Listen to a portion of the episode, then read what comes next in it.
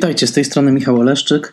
E, bardzo dawno już na swoim blogu mm, e, YouTube'owym nic nie publikowałem. No niestety bierze się to troszkę z braku czasu. E, praca na uczelni bardzo mnie ostatnio pochłaniała nie miałem czasu nic nowego nagrać. E, bardzo chciałem podziękować wszystkim tym, a było tych osób trochę, które napisały do mnie różnymi kanałami, e, czy to na Facebooku, czy tutaj na YouTubie, czy gdzie indziej, e, pytając, czy zamierzam kontynuować kanał YouTubeowy i często zachęcając mnie do tego i jakieś miłe słowa kierując pod moim adresem. To naprawdę bardzo było dla mnie budujące i, i, i bardzo się cieszyłem, że te treści, które do tej pory tutaj zamieściłem, no spotkały się z takim miłym przyjęciem, więc y, odpowiedź jest taka: bardzo chciałbym dalej publikować, bardzo chciałbym tworzyć nowe treści y, wideo. Y, mam nadzieję, że ponieważ rok akademicki zbliża się do końca, a w zasadzie trwa obecnie sesja, pozdrawiam moich studentów, to, to się uda i będę już wkrótce zamieszczał nowe wideo. Natomiast na razie pomyślałem o takiej formie pośredniej, trochę wideo, ale jednak bardziej podcast. Zobaczymy, jak w tym się sprawdzę. Jeszcze takiej dłuższej formy e, nigdy nie próbowałem i e, ponieważ e, również kilka osób zapytało mnie na moim Facebooku, kiedy reklamowałem swój mm, wykład poświęcony ramenowi w kinie, niedawno miałem okazję dzięki zaproszeniu Muzeum Powstania Warszawskiego w ramach takiego programu Pokój na lato właśnie wygłosić ilustrację ilustrowany wykład poświęcony e, kinu ramenowemu, albo jak to zostało nazwane, ramenowi w kinie i na talerzu. E, tutaj specjalne podziękowania dla pani Anity Cieślickiej za zaproszenie. Pomyślałem, że może właśnie ten materiał i te notatki, które przygotowałem i to, czego się naoglądałem w trakcie przygotowań do tego wykładu, że w sumie zebrało się dosyć dużo interesujących obserwacji i e, informacji, którymi chętnie się podzielę, więc niniejszym może nie tyle zaczynam nowy cykl, co testuję formę podcastową. Może troszkę osób się e, e, będzie przysłuchiwało tym moim, e, tym moim wynurzeniom. E, dobrze, to spróbujmy. Spróbujmy w takim razie.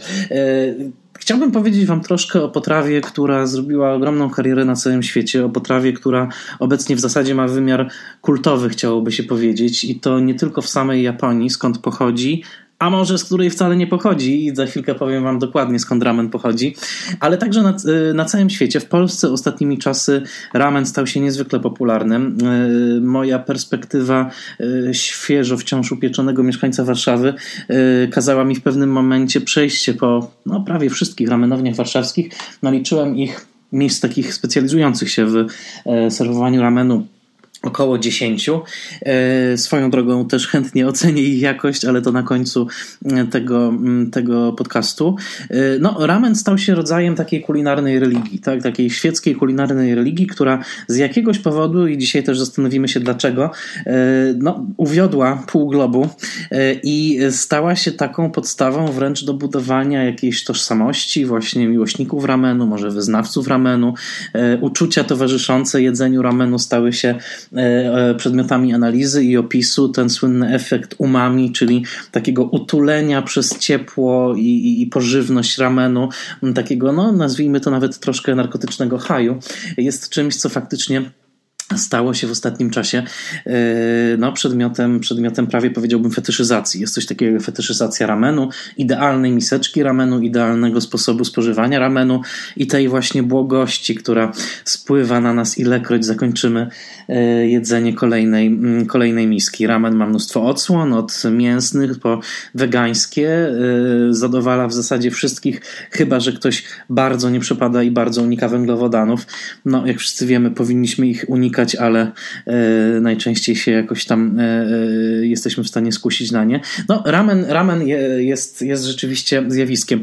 I powiem Wam dzisiaj troszkę o samym ramenie, o jego historii, bo okazała się ona niezwykle interesująca, kiedy zacząłem ją zgłębiać, a także o kilku filmowych wcieleniach ramenu, bo to był właśnie początek mojego zainteresowania e, kulturowym fenomenem ramenu, e, kiedy zetknąłem się z filmem Yuzo Itamiego, e, japońskiego reżysera, filmem z roku 1985 pod tytułem Tampopo, ale o tym, o tym za chwilkę.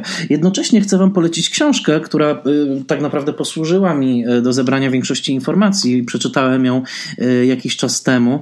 Książkę, która no, zebrała w takim akademickim stylu i z akademicką precyzją najważniejsze fakty dotyczące ramenu ramenu i tą książką jest The Untold History of Ramen, tak się nazywa książka. Jest to, tak jak tytuł wskazuje, niewypowiedziana historia ramenu. Ja ją sobie przeczytałem, kupiłem ją sobie po prostu na Kindlu przez Amazon. No nie była niestety najtańsza, bo te książki akademickie często kosztują troszkę więcej niż zwykła beletrystyka, więc zapłaciłem chyba za to jakieś 20 dolarów, ale było warto, bo naprawdę nasycone faktami i, i takie pełne, pożywne, nomen omen jak sam ramen. I tutaj ukłony dla profesora George'a Solta, pisane przez O, e, nie mylić z Solą, który napisał tę książkę. E, jest on profesorem e, New York University, specjalizuje się we studiach właśnie azjatyckich i wschodnich i tutaj pokazał sznyt nie tylko takiego właśnie badacza wschodu, badacza Japonii, ale przede wszystkim także badacza jedzenia jako fenomenu społecznego, jako fenomenu politycznego i takiego fenomenu, który pozwala budować tożsamość y, y, kulturową, tożsamość narodową. Y, Chapoba, książka jest fantastyczna, pochłonąłem ją dosłownie w półtora dnia. The Untold History of Ramen, gdyby ktoś chciał sobie poczytać. E, dobrze, zacznijmy rozdział pierwszy. Mm, skąd wziął się ramen, czym jest ramen e, i jak to się je, dosłownie. Czym jest ramen? E, samo słowo e, pochodzi od e, chińskiego słowa lamian, oznaczającego długi makaron, który znajdziecie w każdej miseczce ramenu i tak naprawdę już w tym słowie i w fakcie, że pochodzi on właśnie ono z języka chińskiego, zawiera się pierwsza i najważniejsza rzecz, jaką o ramenie trzeba pamiętać, zwłaszcza wtedy, kiedy spotykamy się z nim jako z takim właśnie znacznikiem kultury japońskiej, to jest to, że ramen tak naprawdę jest chiński. To znaczy ramen pochodzi z Chin, Japończycy e, dokonali znacznych modyfikacji, ulepszeń, przekształceń tego dania, ale od samego początku, a przede wszystkim tutaj mówimy o tym czasie mniej więcej od połowy XIX wieku wzwyż, e, to było danie, które przypłynęło do Japonii razem z Chińczykami, z chińskimi e, imigrantami i przede wszystkim z tymi e, pracownikami chińskimi, którzy osiedlali się w miastach portowych Japonii. Malutki trend historyczny. Pamiętacie, że połowa wieku XVIII to jest otwarcie się Japonii na świat Wcześniej Japonia uprawiała rodzaj no, totalnego niemal e, kulturalnego izolacjonizmu, e, nie miała kontaktu ze światem zewnętrznym, wykształciła swój własny, e, unikalny system kulturowy, system wartości, także system rządzenia. Znamy go przede wszystkim z bardzo, powiedziałbym, podniecających i działających na wyobraźnię form feudalizmu, z których najbardziej taką płodną, jeżeli chodzi o sztukę filmową, był oczywiście cały etos samurajski, ale de facto Japonia pod presją także geopolityczną, Stanów Zjednoczonych. E, Matthew Perry ląduje na wybrzeżach Japonii i Japonia się e, pod presją geopolityczną otwiera i to także oznacza początek takiej, no tutaj e, przepraszam wszystkich japonistów i historyków, bo na pewno coś upraszczam, ale mówię to tak, jak na mój rozumek to pojmuję, mianowicie Japonia staje się mm, lokalną, e, e, lokalną siłą, która zaczyna ekspansję kulturową, ale także ekspansję e, kolonialną, która będzie się także objawiała i podbojami, i wojnami prowadzącymi, prowadzonymi w tamtym czasie z Chinami i nie tylko. Apogeum oczywiście tego nastąpi w latach 30. XX wieku, kiedy mm, to druga wojna japońsko-chińska będzie no, mm, także mocno związana z wydarzeniami globalnymi, mianowicie z II wojną światową, gdzie Japonia przystąpi do e, osi e, Berlin-Rzym-Tokio. E, ale najważniejsze z punktu widzenia ramenu jest właśnie to, to znaczy połowa wieku XIX, ramen pod tą postacią chińskiej zupy, dosłownie chińskiej zupy, shina soba, tak po japońsku to się nazywa, czyli dosłownie chińska zupa, zaczyna być serwowana przez właśnie chińskich imigrantów i teraz Pierwszy bardzo ważny fakt o ramenie jest taki, że nie jest to zupa sfer wyższych, nie jest to mm, danie, które właśnie e, jest serwowane w jakichś wyrafinowanych miejscach. Nie, absolutnie. Jest to danie, które jest serwowane przede wszystkim w klasie robotniczej e, i jest niedrogie, bardzo pożywne i już wtedy wygrywa swoją unikalną kombinacją trzech rzeczy, e, czyli przede wszystkim węglowodanów, tłuszczu i soli w formie gorącego dania, które tym gorącym dodatkowo dodatkowo jakby pobudza organizm e, do mm, dalszej pracy, daje energię e, i w zasadzie e, dorzucając taką kwestię definicyjną, ramen to jakby w swojej najbardziej podstawowej wersji to jest po prostu rosół z makaronem, tak? czyli jakby wywar mięsny zazwyczaj, chociaż także bywa i rybny, którym jest makaron i dodatki. I te dodatki, to w jaki sposób Japończycy zaczęli w tej sferze tych dodatków także Oczywiście, jeżeli chodzi o wszelkie aromatyczne sosy, zazwyczaj na, mm, na bazie soi, e, to jest ten wkład Japończyków w rozwój, w rozwój tego dania. Zwłaszcza jeżeli mówimy o dodatku czerwonego mięsa, którego w chińskiej zupie soba nigdy nie było, a sami wiemy, że w ramenach obecnie bardzo często znajdziemy kilka plasterków, przede wszystkim wieprzowiny, e, boczku, ale nie tylko. E, także ta soba, chińska zupa, słona, tłusta, pełna węglowodanów, dobra dla ciężko pracujących pracowników właśnie fizycznych, e, stała się e, taką no, mm, wkładem chińskich imigrantów do japońskiej, e, japońskiej kultury.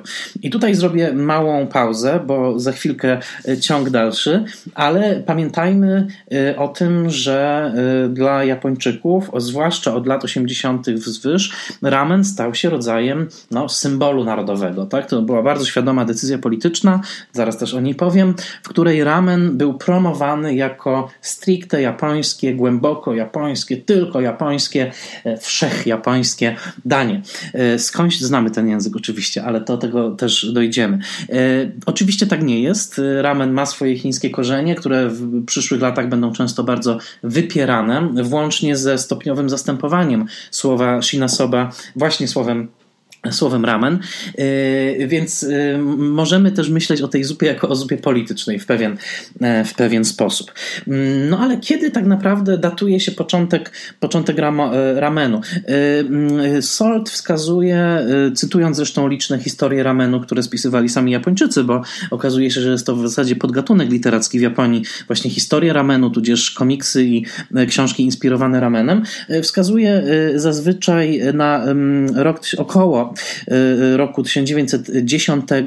Mianowicie to jest czas, kiedy Japończycy zaczynają dodawać y, wieprzowinę sos sojowy i marynowane pędy bambusa do ramenu, więc jakby czynią rzeczywiście, dokonują tej transformacji zupy, która y, czyni ją japońską. A druga rzecz to jest otwarcie restauracji Rai Rai Ken, jadłodajni, w której jest to była to pierwsza restauracja wedle Solta, która była japońska i miała japońskiego właściciela, ale serwowała właśnie chiński makaron, czyli shinasoba. Innymi słowy, Japończyk oto przejmuje już pałeczkę od samych Chińczyków i e, zaczyna serwować ramen. Więc takie są e, powiedzmy e, no, początki, the origin story of ramen. I o tym, o tym należy, należy pamiętać właśnie ze względu na to, że korzenie są w Chinach. Zresztą strona, książka Solta zaczyna się od bardzo fajnego takiego stwierdzenia, że wszystkie makarony prowadzą do Chin i coś w tym chyba, chyba jest. To byłby koniec rozdziału pierwszego, czyli początków, um, początków ramenu. I teraz co dzieje się w dekadach kolejnych? Przede wszystkim e, no, następuje powolne, takie można powiedzieć, dopieszczanie i doprecyzowanie kolejnych receptów, e, receptur na ramen. Wykształcają się jego poszczególne odmiany. Obecnie zazwyczaj wskazuje się na kilka, cztery główne odmiany, to znaczy ramen shio, ramen tonkotsu, ramen shoyu i ramen miso, z których najchudszy jest Ramen e, shio, a najtłustszy, gotowany na wieprzowych e, kościach, jest ramen tonkotsu. E, natomiast ważne jest to, że te unikalne dodatki, które Japończycy zaczynają wtedy dodawać do ramenu, takie jak biała rzodkiew, kapusta pekińska, pędy bambusa, kukurydza, wodorosty, właśnie sos sojowy i wszelkie jego transformacje w postaci aromatycznych sosów dodawanych do zupnej bazy to wszystko e, sprawia, że e, e, ramen uzyskuje wyjątkowy charakter, że przestaje być powolutku tą prostą wersją shina soba i uzyskuje charakter mm, wyjątkowy. W tamtym czasie także wykształca się, i teraz mówimy o pierwszych dekadach, lata 20, lata 30 XX wieku, wykształca się najbardziej popularny sposób sprzedaży ramenu, mianowicie z tak zwanych wózków żywnościowych, które nazywają się po japońsku yatai. I to są po prostu wózki, które no, mają swojego operatora, który jednocześnie jest e, na, na podawaczem ramenu. I te wózki Yatai pojawiają się przede wszystkim w dużych miastach. I znowu ich zadaniem jest to, żeby dostarczyć wysokokalorycznego, szybkostrawnego, e, takiego no, tłustego posiłku robotnikom fizycznym. I te wózki Yatai stają się powoli, przedostają się do kultury. I to nas interesuje, bo przecież tematem e, głównym jest to, w jaki sposób ramen był prezentowany w kinie. Uh, Innymi słowy, za chwilkę opowiem o tym, w jaki sposób wózki Yatai i ich operatorzy, ci, którzy serwowali ramen i ci, którzy także e, obwieszczali swoją obecność w e, dzielnicy czy na ulicy e, za pomocą specjalnych gwizdków, które, mm, które mieli ze sobą, to znaczy po prostu gwizdząc, je, gwizdząc nimi obwieszczali, że są już w dzielnicy, to był czas właśnie dat tych pierwszych dekad XX, XX wieku. E, a zatem jedzenie tanie, jedzenie szybkie, jedzenie tłuste, jedzenie pożywne.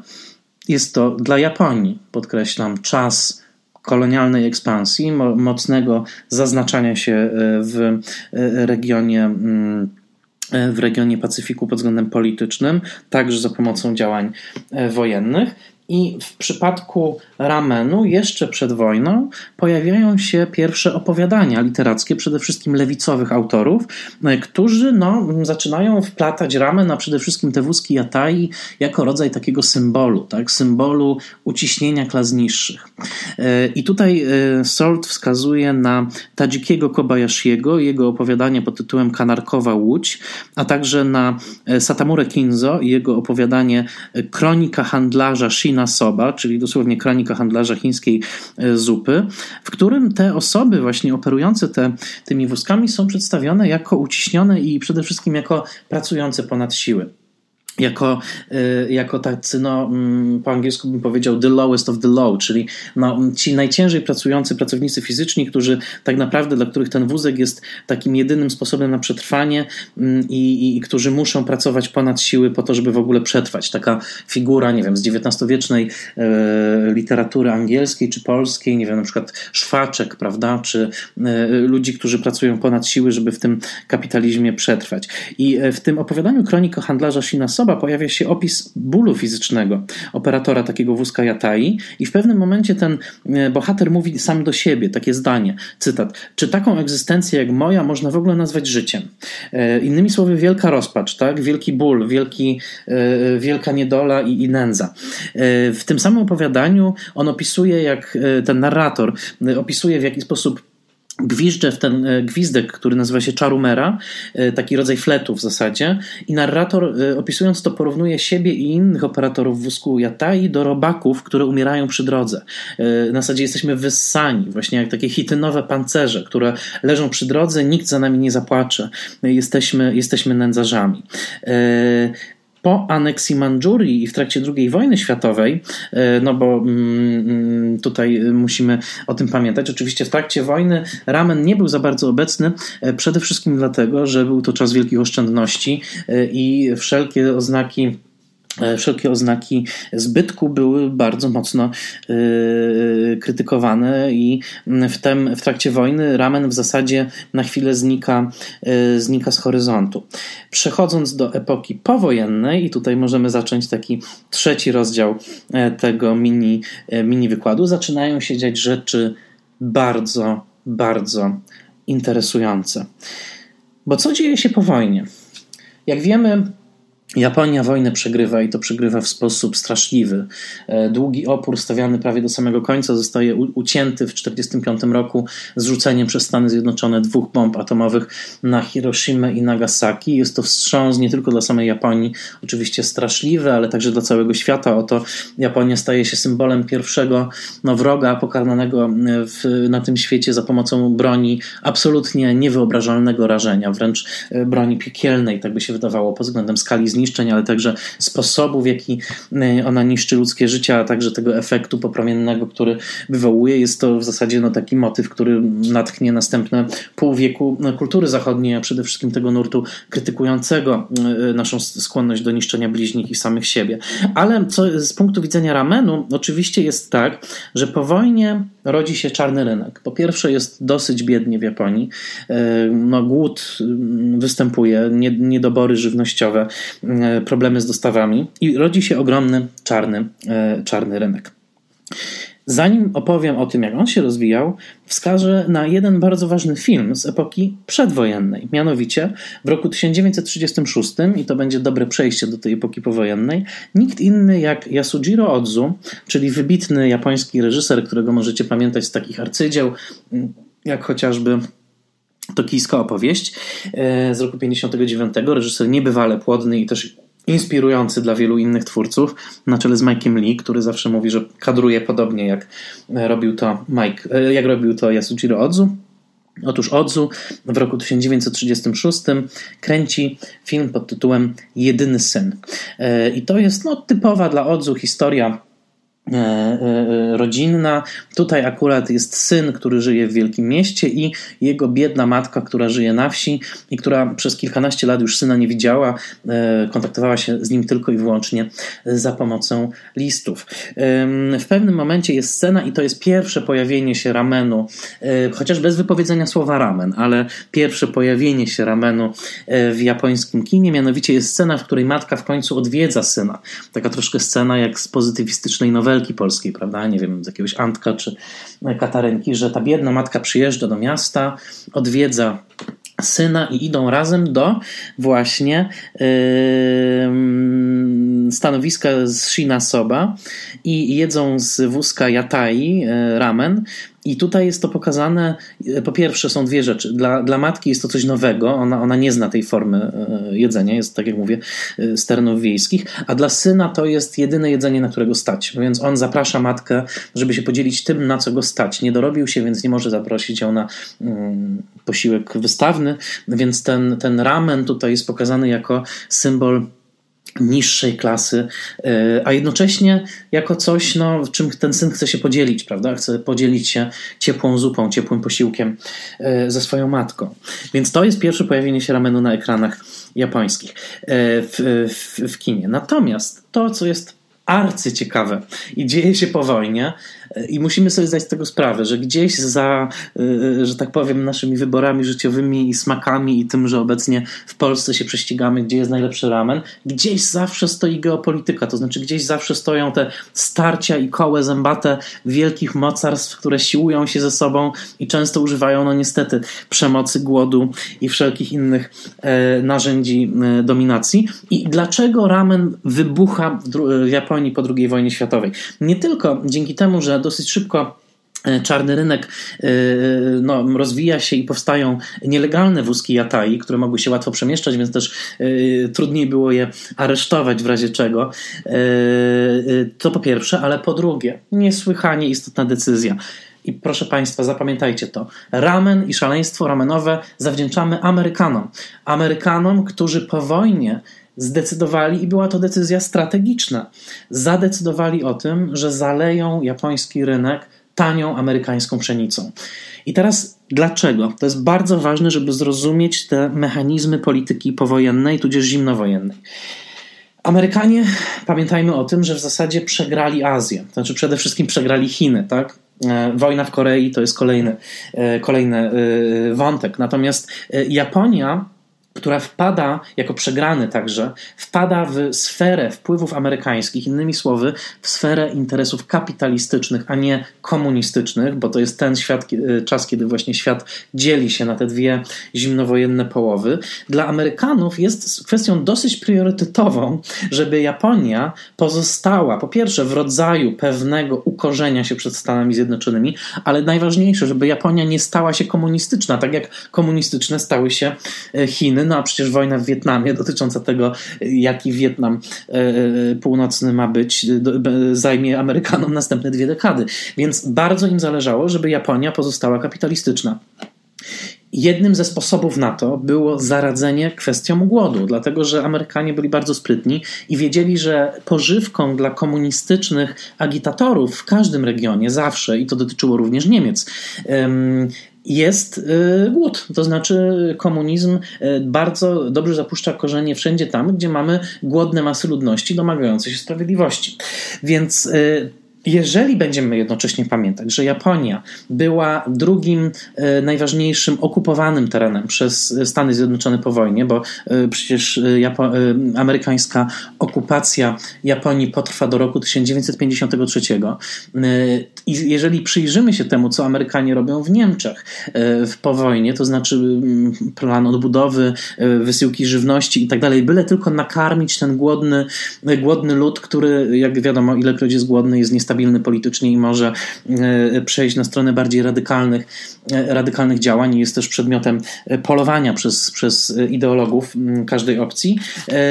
Amerykanie postanawiają po prostu nakarmić Niemców i postanawiają także nakarmić Japończyków. Jest bardzo ważny punkt zwrotny w roku 1947, kiedy de facto pełną gębą wchodzi w życie tak zwana doktryna Trumana, czyli prezydenta Harego Trumana. E, kto nie pamięta, tutaj robię mały przypis, że ta doktryna wywiedziona jeszcze z takiego raportu George'a Kennana, bardzo ważnego amerykańskiego dyplomaty, raportu zwanego Długim Telegramem, e, ta doktryna dotyczyła tego, że za wszelką cenę należy powstrzymywać komunizm w miejscach, w których mógłby on się narodzić. To była tak zwana doktryna containment, czyli powstrzymywania. Innymi słowy, w 1947 roku, kiedy ta doktryna wchodzi już w pełni w, pełni w życie, yy, Amerykanie postanawiają, że absolutnie trzeba karmić Japonię. I czym karmić? Przede wszystkim pszenicą.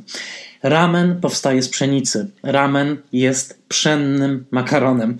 Więc ramen w sytuacji, w której tak dużo się pojawia taniej pszenicy amerykańskiej na rynku, jest niejako naturalnym naturalnym wyborem.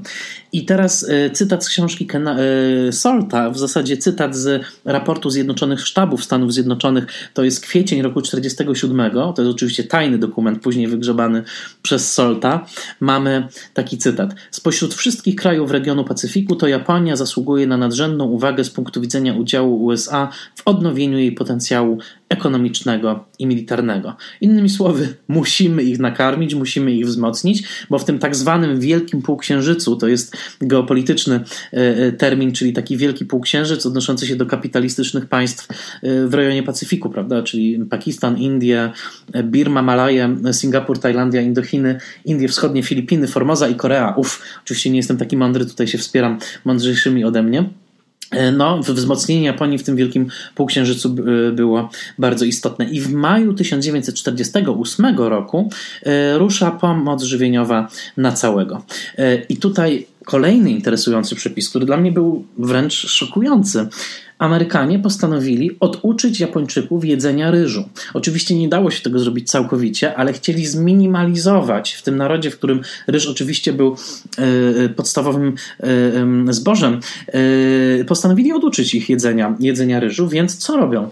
Kierują nie tylko, że zalewają rynek tanią pszenicą, to po pierwsze, ale po drugie, fundują badania i fundują akcje propagandowe, które dotyczą całego społeczeństwa, od najmłodszych obywateli w szkole po matki, które w tamtym czasie przede wszystkim decydują o tym, co wyląduje na rodzinnym stole. Więc co robią Amerykanie? To jest nieprawdopodobne. Uruchamiają ogromne pieniądze, żeby oduczyć Japończyków jedzenia ryżu i żeby przekierować ich dyskretnie albo mniej dyskretnie w stronę jedzenia pszenicy, ergo także w stronę jedzenia ramenu, bo ramen jako makaron pszenny sprawdzał się tutaj świetnie. E, więc co się, e, co się ciekawego zaczyna? Zaczyna się wysiłek propagandowy, w którym Amerykanie są pokazywani jako wielcy dobroczyńcy narodu. Każdy ładunek pszenicy i innych dóbr był witany oddzielnymi newsami e, w prasie, całą prasową taką obróbką. W tym okresie okupacji powstało aż 49 osobnych not prasowych, takich press releases. Były trzy konferencje prasowe poświęcone właśnie amerykańskiej pszenicy. Były codzienne audycje radiowe, w których były przemycane informacje o pszenicy, jak ją należy gotować, jak należy y, pszenne produkty i co z mąki pszennej można robić. Y, a także, uwaga, tutaj pokazuje się naprawdę ta długa ręka amerykańskiej soft, a może hard power. Mianowicie urządzono konkurs na wypracowania szkolne dla dzieci, które miały napisać na jaki temat o tym, jak doceniać dary, jak doceniać dary od szczodrych ludzi, z takim wskazaniem na Amerykanów, że oto Amerykanie, mimo że wygrali w wojnie e, nad Japonią, e, zwyciężyli, zatriumfowali, to przecież teraz Japonię karmią swoimi e, daniami, a także Poza tym esejem o sztuce doceniania ludzkiej szczodrości e, pojawiały się ulotki przez Amerykanów przygotowywane. Między innymi taka ulotka, jak e, ugotować e, składniki z Twojego przydziału żywności, na czele oczywiście z pszenicą. Było wielką ambicją tej propagandy, żeby przekierować apetyty Japończyków z ryżu na pszenicę i także na chleb, który wcale nie był dla Japończyków czymś, mm, czymś naturalnym. W tym czasie powstaje także, pamiętajmy, że jesteśmy w kinie, film propagandowy pod tytułem Affection Across the Sea. Ciekawe, czyli takie no, uczucie ponad morzami, e, który pokazuje właśnie tą przyjaźń, e, a także, e, co interesujące, e, powstaje coś w rodzaju takiego no, e, e, popkulturowego fenomenu coraz częstszego przedstawiania ramenów w filmach. I to jest także interesujące. Ja, ja, tylko mały przypis, też tutaj fantastyczna obserwacja Sorta Mianowicie dług okupacyjny e, wzrastał. To nie było tak, że Amerykanie to robili wszystko za darmo. Jakby prawo było takie, że za okupację płaci okupant, więc w latach 60. Japończycy zaczną spłacać ten ogromny, ogromny, ogromny dług. Natomiast e, co jest, co jest interesujące? Hmm, po tym, jak e, e, następuje ten boom, w, także i w kulturze popularnej e, staje się taki no, mm, popularny motyw ramenu. W filmie w roku 1952 Yasujiro Odzu kręci film pod tytułem Smak zielonej herbaty z ryżem. To jest film, który ja widziałem i pamiętam tę scenę bardzo dobrze, pokazywałem ją też na wykładzie. Mianowicie jest tam taka scena, kiedy młoda dziewczyna jakby uczy się miejskiego życia, ona jest dosyć z zamożnego domu, ale nie zna właśnie tej takiej troszkę niższej niższej klasy i jej kuzyn, który należy do troszkę niższej klasy materialnie, zabiera ją do właśnie ramenowni i jedzą zupę i po pierwsze wtedy po raz pierwszy z ekranu japońskiego pada słowo ramen, a po drugie e, on zachwala tą zupę, że ona jest przepyszna, że jest właśnie tania, że jest pożywna e, i jest tak zachwycony ramenem, ona też przytakuje, że bardzo jej to smakuje, e, że pod koniec sceny zamawia drugą, drugą miskę ramenu. Ktokolwiek zjadł jedną miskę ramenu, ten wie, że to jest raczej sycące danie, więc naprawdę trzeba kochać je i albo być bardzo głodnym, żeby tą drugą miskę zamówić. Innym filmem e, z tego samego czasu, rok 54, Mikio Naruse i opowieści późnej chryzantemy, kolejna scena w której córce ramen smakuje, a matce nie. Czyli jest taki znak, że ramen to jest jedzenie młodego pokolenia, tak? tych właśnie aktywnych, e, silnych, e, e, młodych, ciężko pracujących ludzi. Więc bardzo ciekawy, mm, ciekawy, ciekawy wątek.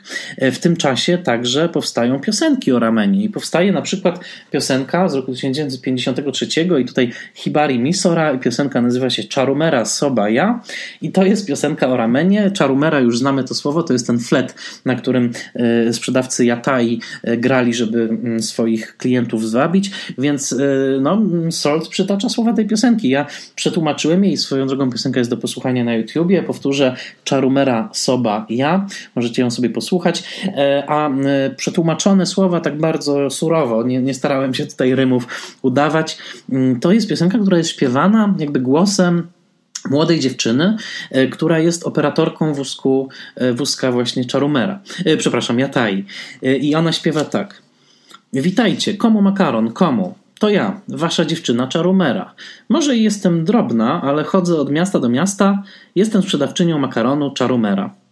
Zobacz, ten starzec jest wstawiony. Czuje się dobrze. Uważaj, bo się wywrócisz. Już, już, kolejne zamówienie gotowe. Siorb, siorb, siorb, czyli Dziękuję za zakup. Dziękuję, że pan zaczekał. Teraz znajdziecie ulubioną Charumera w Tokio i w Shinjuku Saksuka Ueno Shinbashi. Ja gram na swoim flecie, jestem sprzedawczynią makaronu Charumera. E, Salt podkreśla, że ta piosenka ma charakter komiczny tak naprawdę. To znaczy ta figura tej filigranowej dziewczyny, która ciągnie ten ciężki e, wózek, pokazuje, jest troszkę zabawna przez kontrast, ale też pokazuje taką energię młodego pokolenia i także kobiet tego pokolenia, które nie boją się żadnej pracy. Czyli to by była taka młodsza Irena Kwiatkowska z, e, z czy 40-latka, kobieta, kobieta pracująca, tutaj kobieta Czarumera. I co jest bardzo interesujące, że w tym czasie właśnie ramen się rozwija, jest coraz więcej e, tych ramenowni, staje się jedzeniem przede wszystkim studenckim i dla budowlańców. E, ogromna rozbudowa infrastruktury w tamtej czasie, czyli przez właśnie w epoce powojennej, lata 50., później ogłoszenie w 59 roku, że w roku 64 odbędą się Igrzyska Olimpijskie w Tokio, więc trzeba bardzo rozbudować infrastrukturę. Powstają ogromne inwestycje publiczne i oczywiście budowlańcy muszą coś jeść, więc tanim jedzeniem dla nich, pożywnym, gorącym, pysznym jest właśnie ramen. I na, w tym momencie to się zbiega także z boomem demograficznym, bo oczywiście po wojnie zawsze następuje boom, ludzie się chętniej rozmnażają, więc rodzą się dzieci, które będą, co bardzo ważne, wychowywane już w tej kulturze ramenu, czyli w takiej kulturze szybkiego jedzenia bardzo wygodnego, pysznego. E, I ramen stanie się dla tego pokolenia czymś w zasadzie kultowym, o czym także należy pamiętać, bo kiedy oni dorosną, będą już dorośli, będą widzami filmu Juzo Itamiego pod tytułem Tampopo. Więc y, w, takiej historycznej perspektywie jest to istotne. Y, tym, co absolutnie mnie zaszokowało przy lekturze książki Solta, jest to, że on przytacza, y, że w tamtym czasie ta kampania antyryżowa zatoczyła bardzo szerokie kręgi i Amerykanie sponsorowali różne badania i tutaj nie wiadomo na ile one były ustawione, na ile nie, które miały pokazywać nie tylko, że pszenica jest lepsza, bardziej ale przede wszystkim, że spożywanie ryżu jest czymś szkodliwym. To znaczy, że e, powoduje, i tutaj uwaga, myślę, duży szok dla nas, e, wychowanych na pszenicy i ciągle ociężałych tym, e, tym zbożem, że właśnie ryż wywołuje ocięża, ociężałość umysłową byli nawet profesorowie japońskich uniwersytetów, którzy publikowali, pisali e, ulotki o tym, jak to ryż jest odpowiedzialny za to, że e, właśnie ludy wschodu są mniej rozwinięte rzekomo od e, ludów zachodu, o tym, jak ryż zabija apetyt i sprawia, że tak naprawdę nie chce się nic zjeść poza ryżem i to zabija z kolei ciekawość świata, zabija chęć innowacji. No szokujące rzeczy.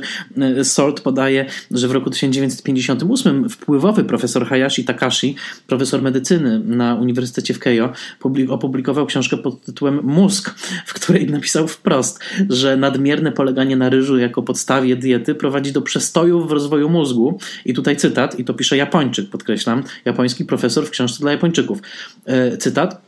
Rodzice karmiący dzieci ryżem skazują je na kretynizm.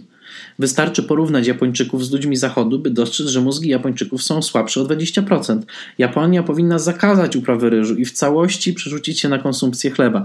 No nie chcę tutaj nic mówić, ale chyba profesor Takashi był na co najmniej paru amerykańskich wykładach e, e, na ten temat. Zresztą e, Salt zwraca uwagę także, że minister zdrowia i opieki społecznej w latach 53-63 Oiso Toshio opublikował z kolei w 59 roku swój to tytuł Esej o żywieniu, w którym utrzymywał, że zachodnie wartości rozumu i postępu biorą się z konsumpcji pszenicy zamiast ryżu.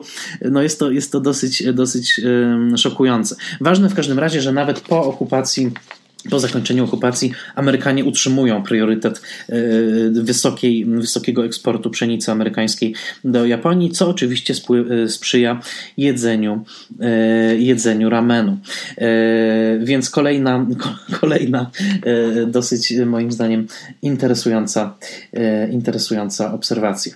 I teraz kolejny rozdział to są lata 50., kiedy ta Właśnie, ogromne inwestycje, dużo robotników, budowlańców, jest sobie pyszny, e, pyszny ramen i tutaj cyfry podaję za książką Solta. E, pomiędzy 56 rokiem a 74 amerykański eksport pszenicy do Japonii wzrósł o 1,28 miliona ton sześciennych, od przepraszam, 1,28 do 3,24 miliona, więc to ogromna, y, ogromna, ogromny wzrost, a jednocześnie konsumpcja ryżu od, osiągnęła historycznie najniższy poziom w roku 62. Oczywiście, że Japończycy dalej jedli dużo ryżu, ale to już nie było tyle, ile, y, ile wcześniej, więc Amerykanom naprawdę udało się chociaż trochę Japończyków od ryżu na rzecz pszenicy e, odciągnąć. I teraz na około roku 1962 dzieją się dwie ważne rzeczy. Po pierwsze, rok 62 powstaje arcydzieło, jedno z arcydzieł Yasujiro Odzu, wspaniały film pod tytułem Smag jesiennej Sajry. Mm, to jest film, który naprawdę warto zobaczyć w świecie anglojęzycznym. On jest znany jako An Autumn Afternoon, czyli jesienne popołudnie. E, I tam jest pokazana taka scena, w której miejscy urzędnicy e, po całym dniu pracy, zmęczeni. E, naprawdę piękny film, polecam popijają sobie, oczywiście mowa o mężczyznach, to jest jeszcze wciąż ten bardzo genderowo nierówny świat. Ci mężczyźni popijają sobie, są już starsi, zmęczeni życiem, popijają sobie sakę i żeby nie mieć kaca następnego dnia, innymi słowy, żeby sól wypiła ten alkohol z ich ciał, po sakę serwują sobie ramen. E, czyli ramen to jest też kariera ramenu jako takiego jedzenia po alkoholu, e, żeby zjeść coś treściwego, żeby złagodzić skutki ewentualnego zatrucia alkoholowego.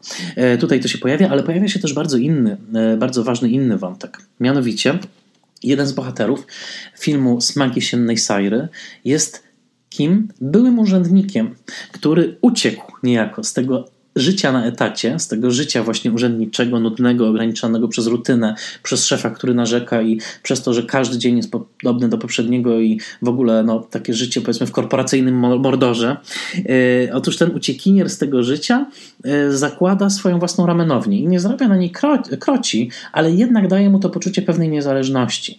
I tutaj Salt także wskazuje, że to jest początek pewnej ideologii ramenu jako takiego no, remedium na korporacyjne życie, remedium na nudę życia urzędniczego, remedium na życie zależne od kogoś, że taka fantazja o tym, kurczę, rzucić wszystko i pojechać w Bieszczady, wróć, rzucić wszystko i założyć własną ramenownię, tak? Stać się takim właśnie niezależnym restauratorem, zrobić sobie taką dziuplę, w której nie będę miał swojego szefa, tylko będę swoim szefem i będę serwował ludziom ramen. No tutaj wskazuje na to Salt, że to właśnie wtedy mniej więcej rodzi się w kulturze japońskiej takie takie myślenie.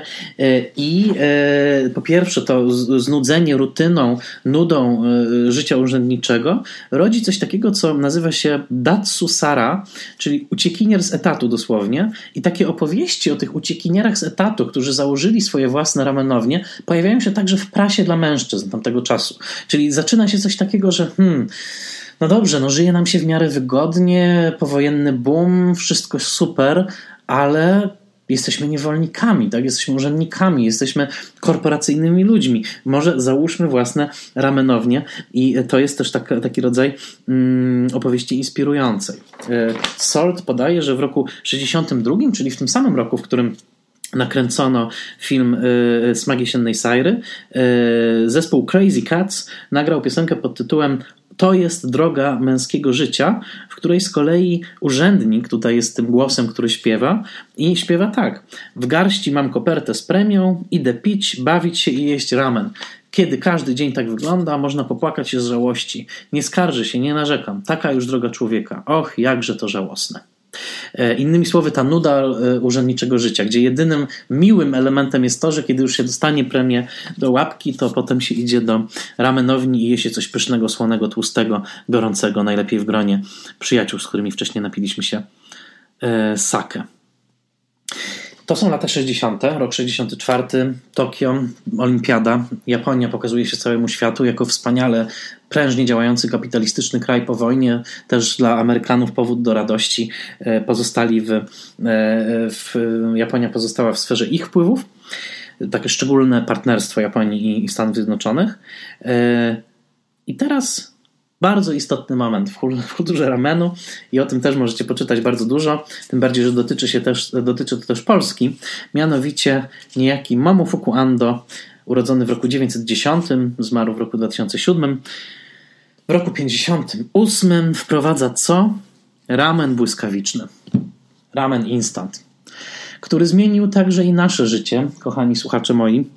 Mianowicie, cóż tak, takiego jest chińska zupka? Oczywiście jest to ramen. Shina soba, chińska zupa, a u nas chińska zupka, znana przede wszystkim w postaci zupek Wifon, które trafiają do Polski w połowie lat 90. i w zasadzie zostają z nami do dzisiaj. Polska, przypominam, Wifon jest wietnamską firmą, ale chyba ma polską siedzibę gdzieś nieopodal Gdańska, ale któż z nas chociaż raz w życiu nie zjadł chińskiej zupki, a któż z nas ucząc się do sesji, będąc jeszcze studentami, któż z nas nie jadł chińskiej zupki, która, zobaczcie, to się przedostało do naszej kultury. Miała być właśnie także zupą dla studentów, bo jest tania. Ile kosztuje teraz chińska zupka? Wydaje mi się, że około 4 zł. Szybka, zalewa się ją wrzątkiem i za chwilkę już mamy gorący parujący talerz gorącego makaronu i jak powąchamy go, to czujemy to uderzenie glutaminianu sodu i o to właśnie chodzi.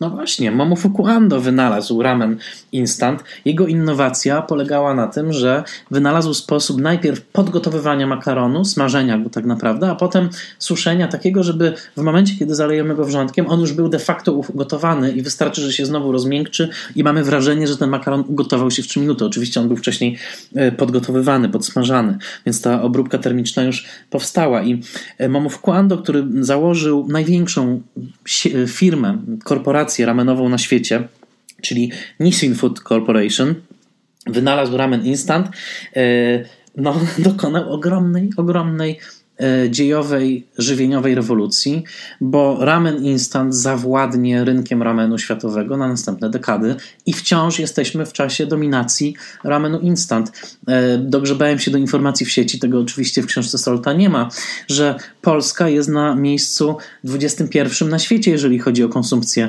e, zupek instant chińskich, czyli ramenu de facto instant, że polscy studenci pobili w pewnym momencie rekord Guinnessa gotując wielki, wielki, błyskawiczny ramen z 3000 y, paczek zupek Wifon. Y, jak dowiedziałem się z kolei skądinąd, ramen instant, także kruszony, często dodaje się do klejów, do zaprawy jako dodatkowy utwardzacz, więc zupki chińskie zrobiły w Polsce gigantyczną karierę i nie ma takiej żabki, nie ma takiej biedronki, nie ma takiego sklepiku, gdzie tej zupki nie znajdziecie, więc to wszystko zaczyna się od Momofuku Ando i od jego, jego wynalazku, a on naprawdę był przedsiębiorcą, który wcześniej parał się różnymi rzeczami, bo był w branży tekstylnej, w ogóle on pochodził z Tajwanu, więc nie był do końca Japończykiem, chociaż potem nie napisał o tym w swojej autobiografii, przedstawiając się właśnie jako stricte japoński wynalazca ramenu instant, ale parał się e, fotografią stereoskopową, stereoskopową, czyli 3D, e, produkcją węgla drzewnego, mechaniką precyzyjną, robił domy z prefabrykatów, czyli przedsiębiorca pełną gębą, próbował wszystkiego, póki coś nie zadziałało.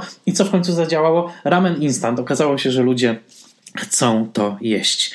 E, Ando napisał później swoją autobiografię. Dodam, że Ramen Instant ma swoje muzeum w Japonii. Wiem, że wydaje się to niezwykłe. Jest tam odtworzona chatka, w której rzekomo e, Ando wymyślił Ramen Instant. I w swojej autobiografii Ando przyjął tę wersję nacjonalistyczną. To znaczy napisał, że wynalazł Ramen Instant po to, żeby e, e, jakby przekierować E, przekierować e, kapryśną taką modę na zachodnią pszenicę w stricte japoński kanał kulturowy, jakim jest e, ramen.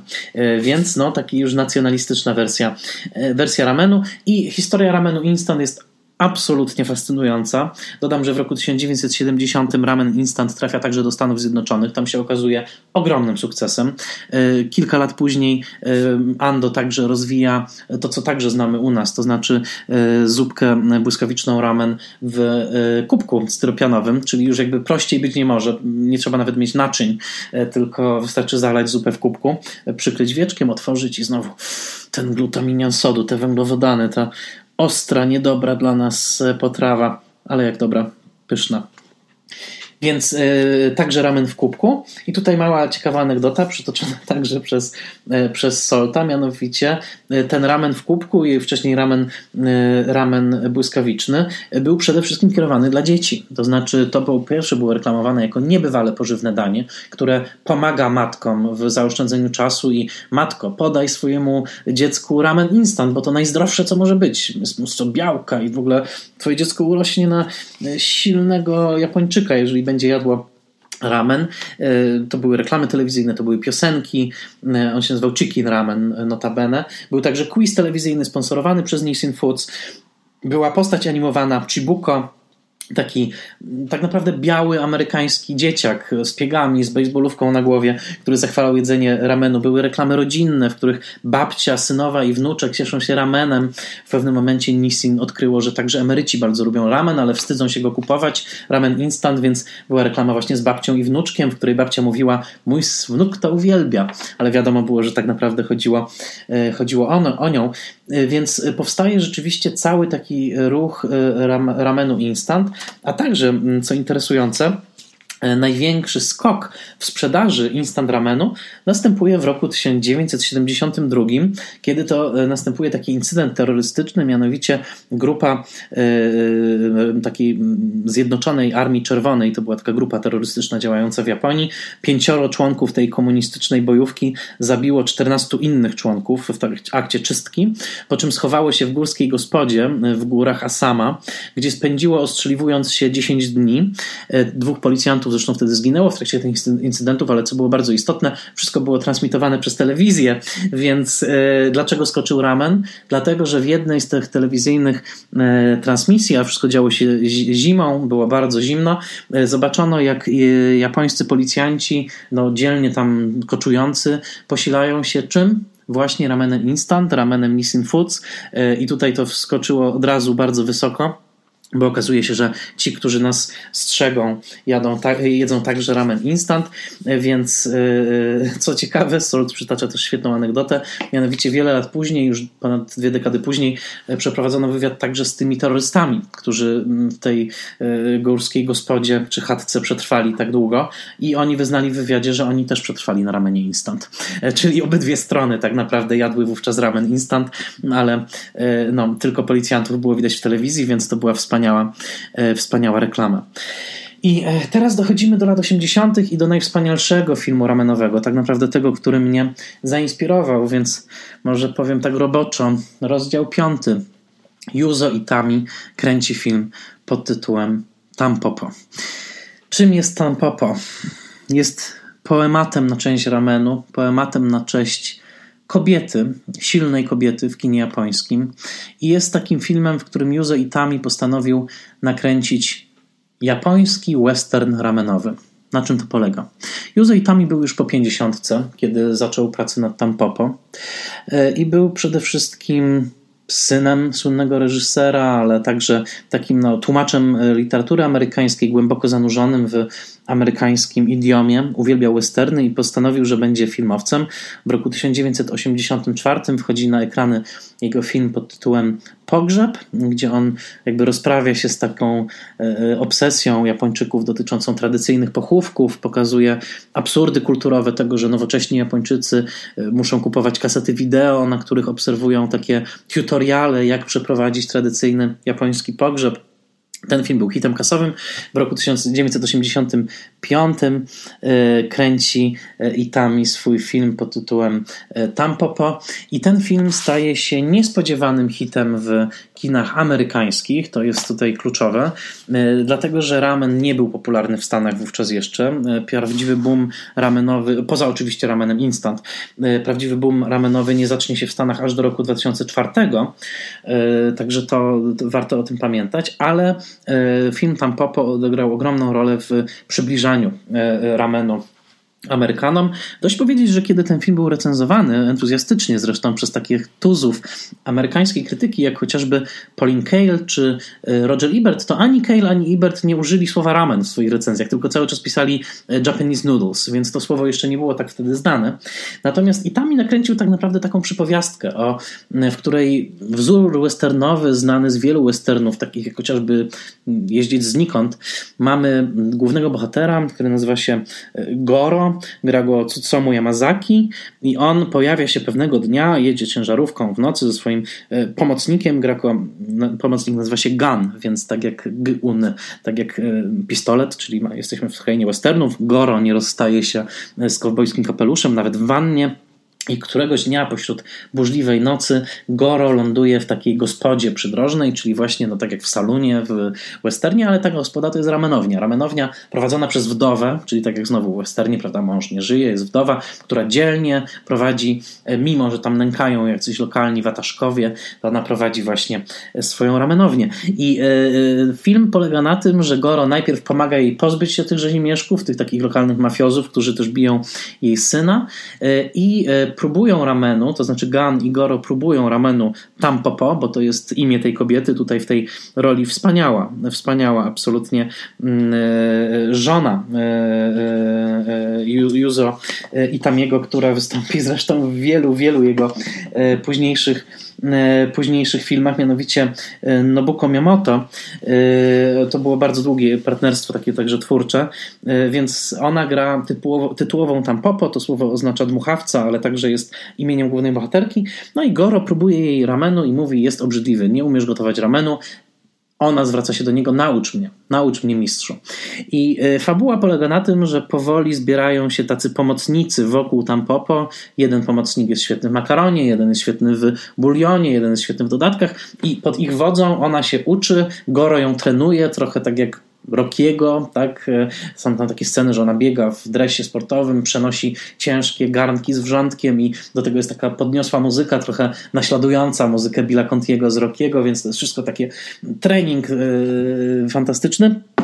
I e, powoli, powoli zdążamy do tego, że Tampopo otwiera swoją własną ramenownię, gdzie ramen jest najlepszy na świecie. Tworzy taką wspaniałą, idealną miskę, e, idealną miskę ramenu. Film jest wspaniały, film jest nasycony bardzo żywymi kolorami, są tam świetne zdjęcia jedzenia. Po prostu chce się jeść, nawet teraz jak o tym myślę, to cieknie mi ślinka, bo ramen tam przedstawiony, zwłaszcza w takim jednym ujęciu, kiedy kamera prawie zanurza się w tym parującym wywarze, no to jest tak dobre, że chyba po nagraniu tego mm, pójdę na ramen. W każdym razie, mm, jest to pięknie nakręcony film. Jest to film o takim odrodzeniu się tej kobiety, która po śmierci męża odżywa dzięki właśnie tej y, otwarciu swojego biznesu.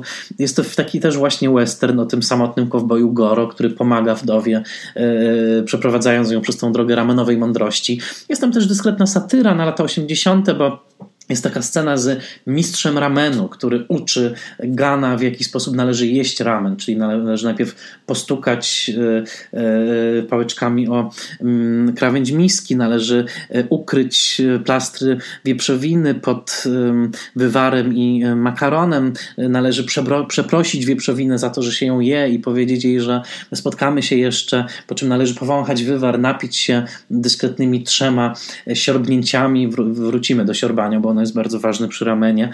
Ale ta scena ma charakter satyryczny, bo oczywiście to tak jakby u nas nakręcić jedzenie, w której, scenę, w której ktoś bardzo w takim eteryczny, ezoteryczny, religijny sposób mówi o jedzeniu e, schabowego, bo ramen, pamiętajmy, że jest tym jedzeniem prostszym, tak? jest tym jedzeniem z klasy robotniczej. E, co zmienia się właśnie w latach 80., bo właśnie wtedy robi się moda już na ten bardziej taki rzemieślniczy, byśmy powiedzieli, lokalny, wyrafinowany ramen, którego cena też idzie w górę i troszkę na to kręci swoją satyrę e, Itami, pokazując, że no, ramen jest przede wszystkim dziełem miłości. Nie musi być ultra wyrafinowany, ale przede wszystkim musi się rodzić z serca. E, Tam Popo w pewnym momencie mówi takie słynne, wspaniałe zdanie, kiedy ktoś zarzuca jej, że jest amatorem w dziedzinie ramenu, ale ona mówi: Wszyscy my, którzy kochamy ramen, jesteśmy amatorami. Wszyscy my, którzy go robimy, jesteśmy amatorami. Robimy to z miłości. Więc Itami mówi tym filmem coś takiego, że nie komplikujmy ramenu za bardzo, nie, nie, nie, nie zafiksowujmy się na nim jako, jako na czymś, co jest niedostępne, czy właśnie takie ezoteryczne. Prawdziwy ramen powstaje z serca. Tam Popo ma to dobre serce, więc yy, powstaje właśnie ten najlepszy jej ramen. Film jest wspaniały, bardzo serdecznie go polecam. Jest pięknie nakręcony, dowcipny, bardzo erotycznie niegrzeczny, bo tam są takie wstawki, powiedziałbym, w której mamy no, dwójkę kochanków, y, gangster w białym garniturze i jego prześliczna e, dziewczyna gangstera. Oni się tak przewijają przez ten film w takich malutkich scenkach, wstawkach e, i, i głównie uprawiają seks. Seks jest bardzo spożywczy, dlatego że tam w ruch idzie e, koniak, bita śmietana, E, homary, miód, to wszystko, płyny ciała mieszają się z płynami pożywienia. Jest to niesłychanie erotyczne. No i jest tam bardzo słynna scena, nakręcona przez Itamiego, która przyszła do historii erotycznej gry na ekranie, mianowicie para właśnie całuje się w pokoju hotelowym, rozbija jajko, bierze żółtko do ust i kilka razy wymienia się tym żółtkiem w trakcie pocałunków. Żółtko przepływa z jednych ust do drugich, póki nie pęka i nie ścieka w takim bardzo sugestywnym obrazie po brodzie e, e, e, tej pięknej dziewczyny. No, jest to, jest to coś, co warto zobaczyć, polecam.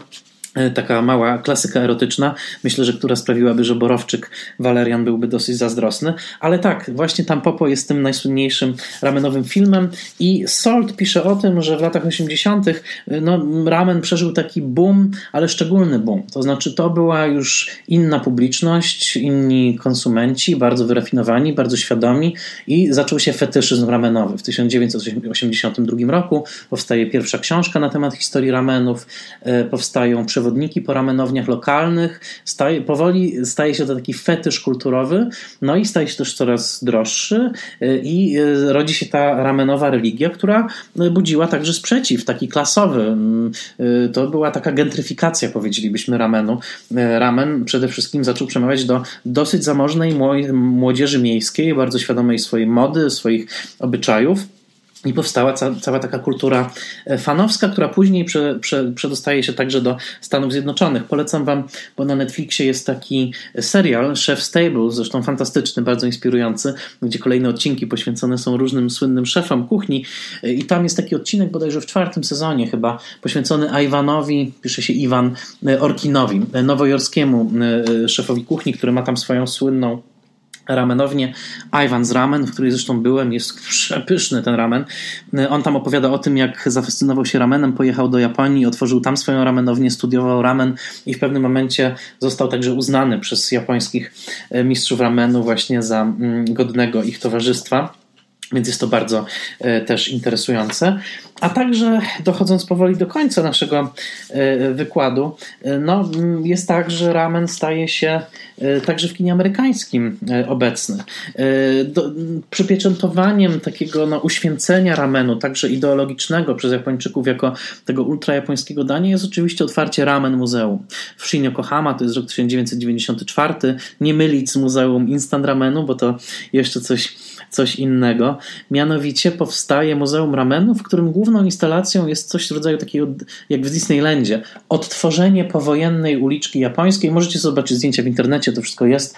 Odtworzenie japońskiej restauracji, y, uliczki takiej właśnie powojennej, y, y, z muzyką płynącą z winyli, ze starymi powojennymi plakatami filmowymi i z tymi wózeczkami jatai, tak? czyli taka nostalgia. Na zasadzie po wojnie to było jedzenie, które sprawiło, że przetrwaliśmy. Po wojnie to było jedzenie, które dało nam siłę przetrwania, nadzieję. Więc taki trochę Disneyland, tak jakby ktoś u nas odtworzył, nie wiem, muzealnie bary mleczne, tak? albo jakieś, nie wiem, stanowiska z warszawskiej Pragi sprzedające placki albo wodę sodową z sokiem malinowym. No to taka właśnie nostalgia. Oczywiście y, już po wyjściu z tego muzeum na czym polega ironia, że kupujemy całkiem drogą miseczkę ramenu. Swoją drogą to jest moje marzenie, żeby kiedyś pojechać do Muzeum Ramenu właśnie, właśnie tego. Ono funkcjonuje. Podobno zresztą ma otworzyć swoją filię w Las Vegas. Nie sugeruję, że będzie to dla mnie łatwiejsza czy bardziej dostępna finansowo podróż, ale gdyby, gdyby w Las Vegas otwarto, to kto wie, czy też bym o tym nie zamarzył, żeby tam z kolei ramen zjeść. Dochodzimy do końca, dochodzimy do filmu, o którym chciałem wspomnieć na sam koniec, mianowicie filmu z roku 2006 z Brittany Murphy, niestety świętej pamięci zmarłą e, przedwcześnie aktorką i producentką. Ona też współprodukowała ten film. To jest film pod tytułem The Ramen Girl. Polski tytuł DVD Miłość o smaku Orientu. No comment. W każdym razie jest to film w reżyserii Roberta Alana Ackermana. Film w zasadzie niezależny e, i, i, bardzo, ja bardzo lubię ten film, bo to jest film, e, który mm, przede wszystkim no, jest skupiony co prawda na Amerykance, która odkrywa ramen po rozstaniu ze swoim chłopakiem, takim dosyć traumatycznym rozstaniu. Ona jest właśnie w Japonii i postanawia stać się szefową kuchni ramenowej i oddaje się w zasadzie w ręce takiego bardzo surowego japońskiego japońskiego mistrza ramenu, e, który szkoli ją jeszcze bardziej e, okrutnie niż miało to miejsce w filmie Tampopo, ale w końcu ona staje przed, przed ramenowym przed ramenowym mistrzem, którego notabene gra znajomy nam już Tsutomu Yamazaki, to znaczy ten aktor, który grał Goro e, w Tampopo. To taki jego powrót po latach, jest już oczywiście starszy, ale w tym momencie jest takie fajne mrugnięcie do widza, że to właśnie on ocenia ramen naszej bohaterki. No i Brittany Murphy w tym filmie, ja ją bardzo lubię, ona jest sympatyczna, e, wiadomo, że gra troszeczkę grubą kreską, ale jest to taki film, w którym ramen rzeczywiście przynosi ulgę, tak? E, jedzenie ramenu przynosi fizyczną przyjemność, duchową przyjemność. Jest coś bardzo poruszającego w tym, że ona chce właśnie no, stanąć na własnych nogach, stać się tym kucharzem e, i, i ostatnia scena oczywiście jest, no jak to w amerykańskim filmie, już nie może być w Tokio, jest w Nowym Jorku, gdzie ona otwiera taką właśnie swoją dziuplę malutką, o nazwie The Ramen Girl. O ile wiem, w Warszawie też była Ramen Girl, ale się zamknął ten lokal. Natomiast e, no, wykuła dla siebie tą małą, nowojorską dziuplę, o której kurczę, każdy chyba marzy, żeby właśnie taki malutki biznes sobie otworzyć i prowadzić. Mm, film jest bardzo sympatyczny, e, ja go, ja go bardzo lubię. No niedawno na ekranach był też film pod tytułem Ramen Smak Wspomnień, e, dystrybuowany przez Aurorę, gdzie z kolei ramen był takim nośnikiem pamięci i też łączył ludzi z różnych części, e, z różnych części świata. Był to film, który był całkiem, całkiem niezły i też było tam dużo fajnych ujęć gotującego się makaronu i przygotowywania, przygotowywania ramenu. Ale gdybym miał polecić, to przede wszystkim polecam tam Popo, na drugim miejscu Miłość o smaku Orientu, na trzecim miejscu ramen smak wspomnień.